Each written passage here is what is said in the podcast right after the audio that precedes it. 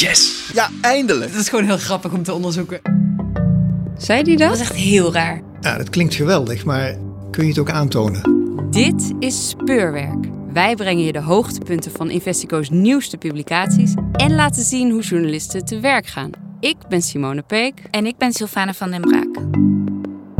Deze aflevering gaat over drugsgebruik op de werkvloer door arbeidsmigranten. Het is geleende energie. Je kunt heel lang wakker blijven op, op amfetamine. Dat weten we ook uit allerlei studies. Maar het is in feite heel tegennatuurlijk. Omdat alles in je lichaam zegt, ik, ik, ik moet rusten. Thomas Munt en ik zijn in het onderwerp gedoken omdat ik een tip had gekregen van iemand die ik voor een ander onderzoek sprak. Uh, die tussen neus en lippen door ineens zei: hey, en trouwens, alle arbeidsmigranten in het distributiecentrum van Jumbo in Den Bosch zitten aan de speed. En dat triggerde mij heel erg. Dat ik dacht: klopt dat? Kan dat? Is dat zo? Als je zo'n opmerking tussen neus en lippen door hoort, hoe ga je onderzoeken of dit een incident is of dat dit echt groter speelt? Ja, uh, eerst checken. Uh, het, eer, zeg maar het eerste gegeven checken. Dus ik ben andere mensen gaan bellen die daar werken. Ik vroeg, hey, herken je dit? Um, en toen kreeg ik eigenlijk ja terug en twee keer ja terug. Nou, dan heb je drie getuigenissen van mensen die niet gerelateerd zijn aan elkaar, die dit bevestigen. Uh, en dan ga je op zoek naar mensen die daarover willen praten. En dat bleek heel erg moeilijk. Ik stuitte wel op een taboe, want het is drugsgebruik op de werkvloer, dat mag niet. Drugs mogen eigenlijk sowieso niet. Um, dus mensen die dat zelf doen, die houden dat het liefst geheim. En hoe ben je uiteindelijk dan toen toch op verhalen van mensen gestuurd? Waar ben je gaan kijken? Toen ik echt wist uit eerste hand dat het speelde, was toen ik een anoniem forum vond waar mensen dus onder een alias konden posten. En uh, een polsforum was dit. En daar werd besproken nou ja, dat er drugs op de werkvloer wordt gebruikt. En dat Poolse forum bleek een goudmijn aan verhalen van arbeidsmigranten over drugsgebruik. Waar Simone in de praktijk tegen een taboe aanliep en mensen niet wilden praten, winden zij er op dit platform geen doekjes om. De naam van het forum gaf het al weg. Speed op het werk, ja of nee? dat forum loopt al drie jaar of zo. En daar bespreken mensen de keren dat ze speed gebruikt op werk. En daar zag ik onder andere iemand die zei: Nou, we werkten in Nederland in een magazijn waar de normen zo zwaar en hoog waren dat het zonder speed niet te doen was. Omdat je gewoon eigenlijk een soort machine moet zijn. Dat hoor ik van meerdere mensen uh, die zeggen: Nou, de normen worden elk jaar aangescherpt. En de norm is dan hoeveel productie je per uur moet inpakken. Toen ik in een magazijn in Nederland werkte, vlogen veel Polen op Feta. Want de targets schoten zo omhoog dat een normaal persoon niet eens 70% kon halen zonder drugs te gebruiken. Hallo iedereen. Ik ben blij dat ik niet de enige ben. Misschien niet regelmatig op werk, maar wel bijna elke nachtploeg. Ik word er alleen zo paranoïde van. Dan denk ik dat alle medewerkers weten dat ik op een bommetje zit. Ook uit het distributiecentrum van supermarkt Jumbo in Den Bosch hoort Simone soortgelijke verhalen. De teamleider staat toe dat mensen harddrugs gebruiken om sneller te werken. Ik nam ontslag. Dit was geen baan voor normale mensen, maar werk voor robots en stofzuigers. Verbaasde je dat toen je dat hoorde? Ja, ik was wel verbaasd. Ik kan me voorstellen dat er, zijn overal zijn er mensen die een, uh, een probleem hebben. Maar er is wel echt veel reden om aan te nemen dat uh, in deze groep het probleem groter is. Poolse mensen staan bekend als mensen die heel hard werken. En op het moment dat ze eigenlijk niet zo hard willen werken, durven ze daarom ook geen nee te zeggen. Omdat dat is wat er van hun verwacht wordt. Um, en dat ze dat ook zien als hun, hun rol. Dat is eigenlijk de enige rol waarin ze in Nederland in de samenleving worden geaccepteerd op dit moment. Mensen die heel hard werken. Daar lopen ze dan in vast. En daar kan uh, drugsgebruik kan daar een uitkomst bieden. En dat probleem en de verhalen die Simone heeft gevonden, legt ze voor aan Ton Nabbe, drugsonderzoeker en criminoloog. Ik ben Ton Nabbe. Ik ben uh, drugsonderzoeker criminoloog, uh, verbonden aan de Hogeschool van Amsterdam. Al 30 jaar lang onderzoekt hij drugsgebruik in verschillende settings. Verbaasd is hij dan ook niet. Drugs op de werkvloer komt hij al jaren tegen. Maar dat het onder bepaalde groepen meer speelt en dat het onder de radar blijft, is volgens hem niet zo gek. Het is een groot taboe, laten we het daarover zeggen. Want drugs en werk is eigenlijk iets, dat klinkt, het is eigenlijk heel paradoxaal. We weten natuurlijk wel van de artiesten en van de van de creatieve groepen. Dat is eigenlijk al, al, al heel lang zo. Dus dat, dat weten we wel. Maar het is ook gewoon doorgedrongen naar andere lagen van de samenleving... waar je niet direct een, een link zou leggen met, uh, met middelengebruik en werk. De kok die af en toe uh, kook snuift uh, omdat hij lange uren moet draaien in de keuken. De kippenvanger die in de nacht amfetamine neemt om, om het langer vol te houden. De portier die soms in beslag genomen cocaïne in zijn zak stopt en achter het gordijn gaat snuiven. Dus je ziet in feite heel, mensen in hele uiteenlopende beroepen in verschillende klassen die, die, en ook met verschillende motieven die, die stimulerende middelen gebruiken. Verschillende beroepen met verschillende motieven dus. Maar wat is het motief van de mensen die onze supermarkten bevoorraden, onze post sorteren, onze online bestellingen bij ons adres afleveren? Wat is de reden dat zij drugs gebruiken tijdens het werk? En wat voor een effect levert dat op? Bij mensen die uh, hard werken, meer productiewerk moeten doen. De chauffeurs, de, de, de, de inpakkers, et cetera. Mensen die dus gewoon zwaar werk moeten doen, die, ja, die, die, die vertrouwen ook op die stimulerende middelen. En wat die middelen allemaal doen, is dat je meer energie hebt. hebt. Je kunt langer doorgaan. Het is geleende energie. Je, je kunt heel lang wakker blijven op, op amfetamine. Dat weten we ook uit allerlei studies.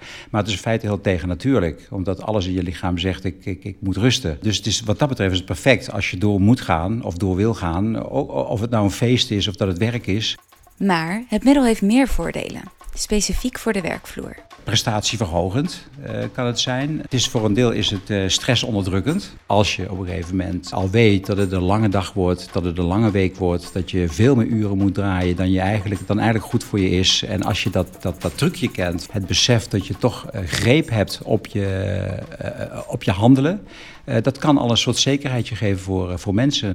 Wat zijn de negatieve gevolgen van, van het gebruik van, van dit soort drugs? Nou, kijk, je, je kunt ook wel in een cluster zitten waarin uh, je dat met, met anderen uh, doet of alleen doet. Of elke keer als je het druk hebt, dat je dat dan gaat aanwenden als dat zekerheidje. Dus er komt op een gegeven moment een sleur in. het wordt een automatisme. je gaat het vaker doen. De hoeveelheden worden waarschijnlijk groter. En op een gegeven moment raak je in paniek als, als je even goed nog moe blijft. En dus ook gewoon de cocaïne niet meer werkt. En dat kan natuurlijk op een gegeven moment kan er een tipping point ontstaan. Waardoor je op een gegeven moment denkt van hé, hey, ik, ben, ik, ik, ik, ik red het niet meer zonder. Maar het biedt ook geen oplossing meer. Speed gebruiken om langere tijd hard werken op onregelmatige tijden vol te houden, kan dus uitmonden in een flinke verslaving. En daar kom je moeilijk uit. Een ex-verslaafde omschreef het aan mij als je zit in een kooi. Je zit gewoon vast op een gegeven moment. Als jij elke keer middelen gebruikt, dat stiekem, want dat mag niet. Dus je wordt ook bang voor andere mensen. Je wil niet gezien worden. En dan kan je niet meer naar buiten en je moet je werk blijven doen, je moet doorgaan. Maar voordat je nu denkt aan het stereotype van de drugsgebruikende en dronken Poolse arbeidsmigranten in Nederland, luister goed. Simone's collega Thomas Muns legt uit. Als je in een setting zit waarin je enorm afhankelijk bent van je werkgever, waarin je weinig grip hebt op je eigen huis, waarin je helemaal geen grip hebt op je eigen werktijden, um, en je dan een speed um, gewoonte opbouwt. Dat is veel erger dan morele, oh, oh, pop, pop, pop, iemand gebruikt drugs. Dan zie je uh, dat daar een structurele probleem aan het ontstaan is. Uh, we begrepen eigenlijk gelijk uit die eerste verhalen dat je dit drugsgebruik, zoals ieder drugsgebruik, niet los kan zien van zijn setting. Dus hoe kan het dat we een heel groot gedeelte van de bevolking hebben in Nederland. Dat gewoon lekker in de zomer op zo'n festival. Dat je dan met z'n allen vrolijk aan de pillen en de pep zit. Um, en we dat dus ook helemaal niet als problematisch ervaren als samenleving. Dat die een groot deel van die mensen ook helemaal niet afhankelijkheden uh, uh, creëert aan die drugs. En hoe kan het dat in een andere setting daar wel dan een drugsprobleem ontstaat? Die vraag stelde Simone ook aan hulpverleners die arbeidsmigranten bijstaan tijdens hun tijd in Nederland. Het antwoord dat ze terugkreeg was het volgende. Veel van deze mensen zouden, als ze gewoon in Polen woonden, niet gebruiken. Um, en de reden daarvoor is dat de omstandigheden hier gewoon je eigenlijk een beetje uitnodigen om het te doen. En er zitten heel veel factoren aan. Eén, je moet heel hard werken. Vijf dagen in de week, nou, soms 60 uur per week. Als je niet presteert, kan je zo eruit vliegen. Als je eruit vliegt, ben je je woning kwijt. Het staat veel op het spel en dat levert veel stress op. Als je naar huis gaat, heb je verder geen echte plek om echt te ontspannen. Dat levert stress op. En nou ja, ik heb mij laten vertellen door drugsdeskundigen dat dat bij uitstek een situatie is waarin mensen gaan experimenteren en vluchtgedrag gaan vertonen. Dus als je echt niks, je hebt werk, je hebt een woning waar je geen privéruimte hebt, want je deelt je slaapkamer zelfs met iemand anders. Dus je privéruimte is zo groot als je bed. Dat, dat nodigt uit om daaruit te ontsnappen. Maar hulp zoeken is voor arbeidsmigranten niet makkelijk in een andere taal, in een ander land. De vraag blijkt groot. Ik, ik sprak ehm, echt zojuist een, een verslavingsdeskundige, een Poolse vrouw, die niet eens adverteert met haar diensten, maar gewoon ooit een keer haar telefoonnummer heeft uh, gegeven aan iemand. En die zei, nou, dat, dat, dat gaat gewoon als een lopend vuurtje over Facebook. En iedereen deelt dat telefoonnummer. Wat zijn nou de gevolgen van het drugsgebruik onder deze groep in Nederland? Ik heb met huisvesters gepraat, met mensen die werken in het locatiebeheer op arbeids, arbeidsmigrantenparken. En die zeiden, we zien het gewoon uh, regelmatig misgaan. En ik had een man gesproken die het in drie jaar tijd negen keer mis zag gaan. En met misgaan bedoel ik dat er iemand is overleden. Hij zei een jongen van twintig verdronk. Hij zat met vrienden aan tafel te kaarten. En ineens stond hij op. En uh, is hij in het uh, Gouwse kanaal gesprongen. En hij is nooit meer eruit gekomen. Hij had ook amfetamine gebruikt. en dat zegt die locatiebeheerder. Zegt dan, ja, wij vonden amfetamine en sterke drank op zijn kamer. En die hebben we weggehaald. Maar ja, die jongen is, is wel overleden. Een ander verhaal wat hij vertelde is dat hij erbij werd geroepen... omdat er iemand lag te creperen op de grond en lag te gillen en lag te krijsen. Nou, wordt hij erbij geroepen. Wat gebeurt er? Die man die gaat helemaal niet goed. Begint zijn eigen uitwerpselen op te eten omdat hij niet meer weet wat hij kan. En die overlijdt omdat zijn maag geperforeerd was geraakt uh, door waarschijnlijk amfetamine en alcohol, want dat had hij gebruikt. En er staat, uh, volgende maand staat er iemand voor de rechter, maar die bestuurde een Albert Heijn busje en die heeft een vrouw doodgereden. En die bleek onder de speed, onder invloed van speed te zijn. Niet alleen het werk drijft sommige arbeidsmigranten tot overmatig drugsgebruik, met deze verschrikkelijke gevolgen als nasleep. Ook hun woonsituatie is een grote reden om te willen ontsnappen. Wat een van die locatiebeheerders tegen mij zei, is het drugsprobleem is het grootst als uh, je, je kijkt op een locatie die ver weg is van enige vorm van vertier. Dus op een bedrijventerrein wat drie kilometer van een stadscentrum is ja, waar iemand dan bijna nooit komt en niet naar, laten we zeggen, de bowlingbaan kan gaan. Of uh, gewoon mensen kan zien en uh, gewone, gewoon even de straat door kan lopen en een beetje zich onderdeel kan voelen van de samenleving waar hij zich in bevindt. En hoe weet zo'n opzichter dat? Nou ja, hij, hij ziet dat, hè, dus hij vindt veel. Uh, hij zegt ook, drug, drugsdealers weten die plek ook altijd wel te vinden. Um, en daar gaat het dan het meest mis. Mensen gaan dan de raarste dingen doen. Ik had één situatie die ik uh, las in de krant. Waar ik me heel erg over verbaasde. Dat was een, een man die s morgens uh, naar buiten stapte om opgehaald te worden naar zijn werk. Was een arbeidsmigrant. En die stapte naar buiten en er stond een busje voor hem klaar. En toen uh, overgoot hij dat busje met benzine of iets anders brandbaars. En toen heeft hij dat busje in de fik gezet. Simone en Thomas vinden nog veel meer nieuwsberichten over vreemde gewelddadige incidenten onder arbeidsmigranten op het werk of in de publieke ruimte. En met alle informatie die zij inmiddels hebben verzameld, vragen ze zich af: is daar geen drugs in het spel? Op die vraag is moeilijk antwoord te krijgen. Alleen de politie en een bedrijfsarts mogen namelijk drugstesten uitvoeren. En de politie test alleen wanneer drugsgebruik strafverzwarend zou zijn, zoals bij het ongeluk met het Albert Heijn-busje in het verkeer. En de bedrijfsarts heeft een beroepsgeheim. De arbeidsinspectie wordt bij ernstige ongelukken op de werkvloer wel opgeroepen, maar mag geen drugstesten uitvoeren. Het is tijdens het onderzoek dus moeilijk in te schatten hoe groot dit probleem nou precies is. Totdat Simone en Thomas op een aantal bedrijfjes stuiten die inspelen op dit probleem. Via via hoorde ik dat er testbureaus zijn. Blijkbaar was er dus een bureautje dat gewoon tests afneemt onder werknemers. Het is echt big business.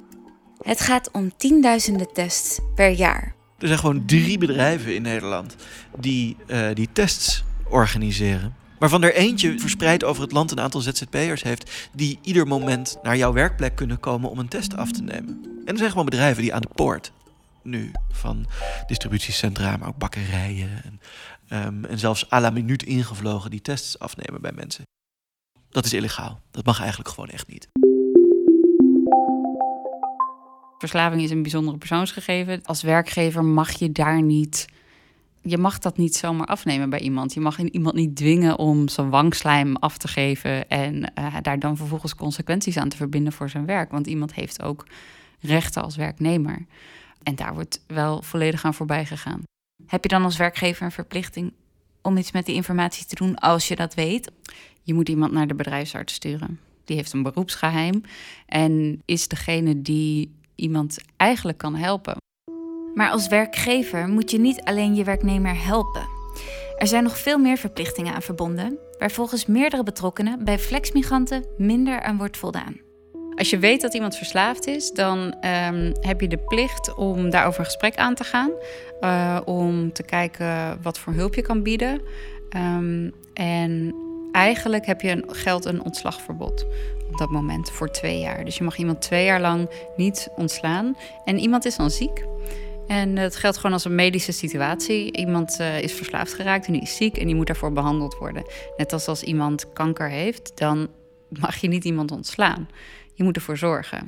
Nou, als je iemand op een flexcontract uit het buitenland hebt aangenomen, dan is dat wel het laatste waar je op zit te wachten. Dat was niet de reden waarom je iemand uit, uit Polen haalde, is om goed voor hem te gaan zorgen per se. Je wilde diegene voor je kan werken. We hebben ook met de FNV hierover gesproken. En die maakt ook een belangrijk punt. Die zegt, ja, wij willen niet dat er getest wordt. Want het is in, wezen een grove privacy schending van je werknemer. Wat natuurlijk heel interessant is, dat wat FNV zegt, is van ja, ik snap wel dat je wilt testen. Omdat je bang bent dat mensen uh, met, met amfetamine in hun uh, systeem aan het werk zijn op jouw vloer. Maar waarom wil jij dat? is omdat je je niet houdt aan de normen voor goed werkgeverschap. Waarom willen werkgevers dit? Is omdat er niet genoeg mensen op de vloer zijn die aanspreekbaar zijn voor deze werknemers. Omdat er niet genoeg mensen zijn die ze in de gaten houden. Waarom wil jij testen? Is omdat jij niet wil ontdekken dat iemand het is op de vloer. Want ja, dan moet je met. Eigenlijk zou je iemand dan um, in, een, in een medisch traject um, moeten helpen. Als, dan gaat het opeens precies om die dingen waarom je überhaupt flexmigranten in dienst had. Dit leidt tot excessen. Dit leidt tot geweldsmisdrijven. Dit leidt tot mensen die mogelijkwijs in, in gewelddadige psychoses komen. Dit leidt tot ongelukken. En we zorgen niet voor ze. Als jij een verslaving oploopt, al dan niet op je werk, dan is dat gewoon een, een, een medisch probleem. En het wordt ook als zodanig in het arbeidsrecht in Nederland geregeld. Dus je moet gewoon in de ziektewet. Wat is nou het punt van deze arbeidsmigranten? Is dat, dat, dat ze wel heel hard werken zonder dat werkgevers verantwoordelijkheden voor hen dragen. Dat is, daarom zijn ze lekker flex, daarom zijn ze lekker migrant. Um, en, en daarom verschuiven we ze van, van woonlocatie naar woonlocatie. Daarom zetten we ze aan de rand van, van de beschaving in, in Nederland. Ergens midden in een polder waar niemand ze ziet. Dat is niet toevallig, hè? Dat is wat we aantrekkelijk vinden aan deze constructie. En in een werkconstructie met arbeidsmigranten is een zorgplicht makkelijker te ontduiken. Een contract van een flexmigrant is namelijk per week opzegbaar. Thomas en Simone spreken dan ook meerdere bronnen die zeggen dat werkgevers zich bij arbeidsmigranten vaak niet aan het ontslagverbod houden. En juist voor die groep zijn de gevolgen van een ontslag zo groot. Je verliest naast je baan ook je zorgverzekering en erger, je woning. Sommige van hen komen dan op straat terecht. De stichting Barca die uh, helpt mensen die hier op straat zijn geraakt. En die helpt uh, of een nieuwe baan zoeken. Als ze denken, nou, je kan nog wel wat aan. Um, je zou geholpen zijn met werk. Dan uh, hebben ze contacten met uh, uitzendbureaus. En als ze dat niet denken, dan sturen ze iemand terug en dan betalen ze de busticket. Dat gebeurde afgelopen jaar 724 keer dat iemand werd teruggestuurd naar Oost-Europa met geld van de gemeente hier. Ik kan me voorstellen dat iemand die dit luistert nu denkt: ja, moeten wij nou alle verslaafden uit Oost-Europa hier ineens gaan helpen? En uh, moet je als bedrijf nou ineens voor al die mensen gaan zorgen als ze verslaafd blijken? Ja, eigenlijk ja. We hebben nu in Nederland 500.000 arbeidsmigranten volgens mij op uitzendcontracten. Uh, dat aantal groeit de hele tijd. We hebben deze mensen nodig voor onze economie. En we hebben in Nederland gewoon afgesproken dat je voor iemand moet zorgen. Iemand anders die ik sprak, die zei ook van... Dan hoor ik een werkgever klagen, zei ze. En dan vraag ik, was hij de eerste dag dronken en stoned? En dan zegt die werkgever, nee, nee, nee. Na een half jaar of zo werd hij ineens, kwam hij ineens dronken op werk. En dan zegt zij van, ja, maar dat, het houdt een keer op. Als iemand zeven dagen in de week moet werken en elke nacht uh, kort slaapt, weinig tijd heeft om te ontspannen, weinig, tijd, weinig plek heeft om even zich terug te trekken, dan houdt het op een gegeven moment een keer op en dan gaat iemand ontsnappen en dan vlucht hij in middelen. Is dit een gevolg van hoe we in Nederland de arbeidsmarkt hebben ingericht? Dat is denk ik de meest structurele vraag die daarboven hangt. Jongens, we hebben inmiddels een arbeidsmarkt gecreëerd waarin een groot deel van de mensen echt het gevoel heeft dat ze die speed nodig hebben. Een deel van de, van de arbeidsmarkt is inmiddels zo dat mensen daar werkgerelateerde drugsverslavingen opbouwen. En dat is natuurlijk het gekke. Hè? We zijn als samenleving langzamerhand geobsedeerd door duurzaamheid. Een ander woord voor duurzaam is houdbaar. Hè? En de vraag is een duurzame economie. Hebben we, hebben we nou hebben we een houdbare supermarkteconomie? Nee. Nee, want we doen het echt, echt ten koste van mensen. Dit was Speurwerk. Je hoorde Simone Beek, Thomas Muntz en Ton Nabbe over drugsgebruik onder arbeidsmigranten. Deze groep is volgens experts extra kwetsbaar voor een verslaving. Ze werken vaak lange dagen op onregelmatige tijden en wonen geïsoleerd van onze samenleving in kleine woningen met heel weinig privacy. De upper drugs, zoals speed en cocaïne, kunnen daarvoor tijdelijk een uitkomst bieden. De vermoeidheid verdwijnt namelijk en je stemming verbetert. Maar verslaving ligt wel op de loer. Hoewel cijfers nauwelijks te vinden zijn, ontdekten wij dat dit probleem zo groot is dat er bedrijven bestaan die voor werkgevers drugstesten afnemen onder werknemers. Dit mag niet. Het is illegaal omdat het een inbreuk is op de privacy van de werknemer. Het verhaal is te lezen in de Groene Amsterdammer bij Dagblad Trouw, De Stentor en De Gelderlander. Voor de geannoteerde versie, kijk op de website van Investico. We bedanken Pepijn Buitenhuis voor de muziek en de eindmix. De volgende uitzending verschijnt over twee weken. Waar die over gaat, kunnen we nog niet zeggen, omdat de journalisten hiervoor undercover zijn. Wil je er als eerste bij zijn? Druk dan op abonneren in de podcast-app. Tot dan.